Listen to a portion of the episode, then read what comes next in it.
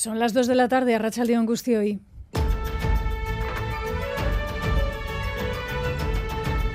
Crónica de Euskadi con Aichiber Bilbao. Pedro Sánchez hace de la necesidad virtud, así lo ha dicho el mismo literal y reivindica frente a su gente la negociación de la amnistía con los partidos independentistas catalanes. Si no, no hay nuevo gobierno progresista. En el nombre de España, en el interés de España, en defensa de la convivencia entre españoles, defiendo hoy la amnistía en Cataluña por los hechos acaecidos en la década.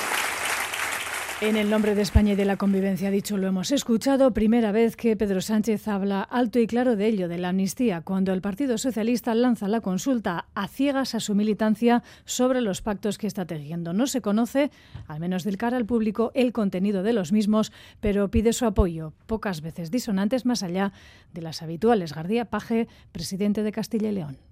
Que no nos pase con las preguntas como esto, con, el juego este del rasca, que tienes que darle para saber exactamente la pregunta, pero ya después.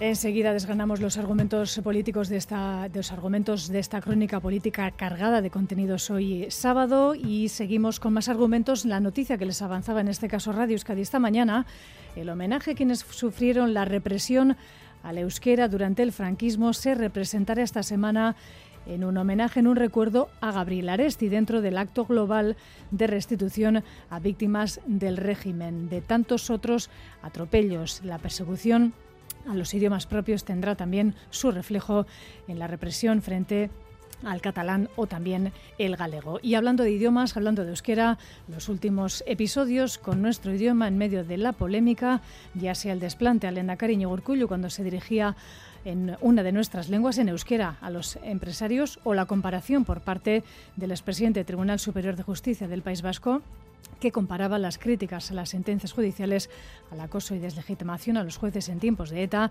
Este asunto, estos asuntos se colaban en nuestra tertulia de parlamentarios las declaraciones del señor Ibarra me parecen ofensivas e intolerables, porque estuvimos contra ETA tanto como él. Ibarra lo que ha hecho ha sido defender a los jueces. Alguien lo tenía que hacer y lo ha hecho, porque apliquen la ley. Ha sido manifestar su preocupación por la forma en que algunos partidos y cargos institucionales cuestionan el sistema judicial. El Endacari le boicotearon no en calidad de Endacari, sino en calidad de vasco parlante que está utilizando el euskera.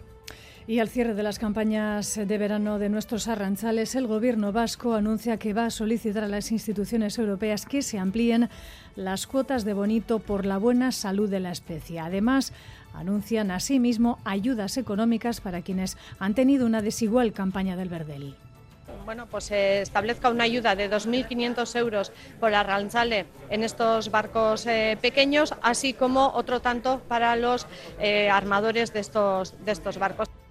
Y más asuntos también de la jornada. Segundo incidente esta semana con una unidad de tren tras lo ocurrido en Pasaya, Xavi Segovia esta mañana en Amorebieta eh, con eh, un incidente con una unidad de Euskotren que ha descarrilado sin heridos, pero hay afecciones al tráfico. Sí, ocurría sobre las 9 de esta mañana cuando Euskotren informaba en un escueto mensaje que el servicio entre Amorebieta y Lemoa quedaba suspendido temporalmente debido al descarrilamiento de una unidad, un suceso que ocurría con el tren a escasa velocidad y sin que se registraran heridos, con una veintena de pasajeros en su interior. Todos ellos eran trasladados en autobús hasta Bermeo, que era su destino final. Una suspensión que se estima se va a prolongar hasta las 8 de esta tarde una vez se normalice la situación. El servicio ferroviario se mantiene, pero con transbordos en autobús en el tramo entre Lemoa y Amorebieta. Para encarrilar el vagón se ha procedido también a cortar en ambos sentidos la Vizcaya 725, que permanecerá cortado hasta que se terminen los trabajos de encarrilamiento.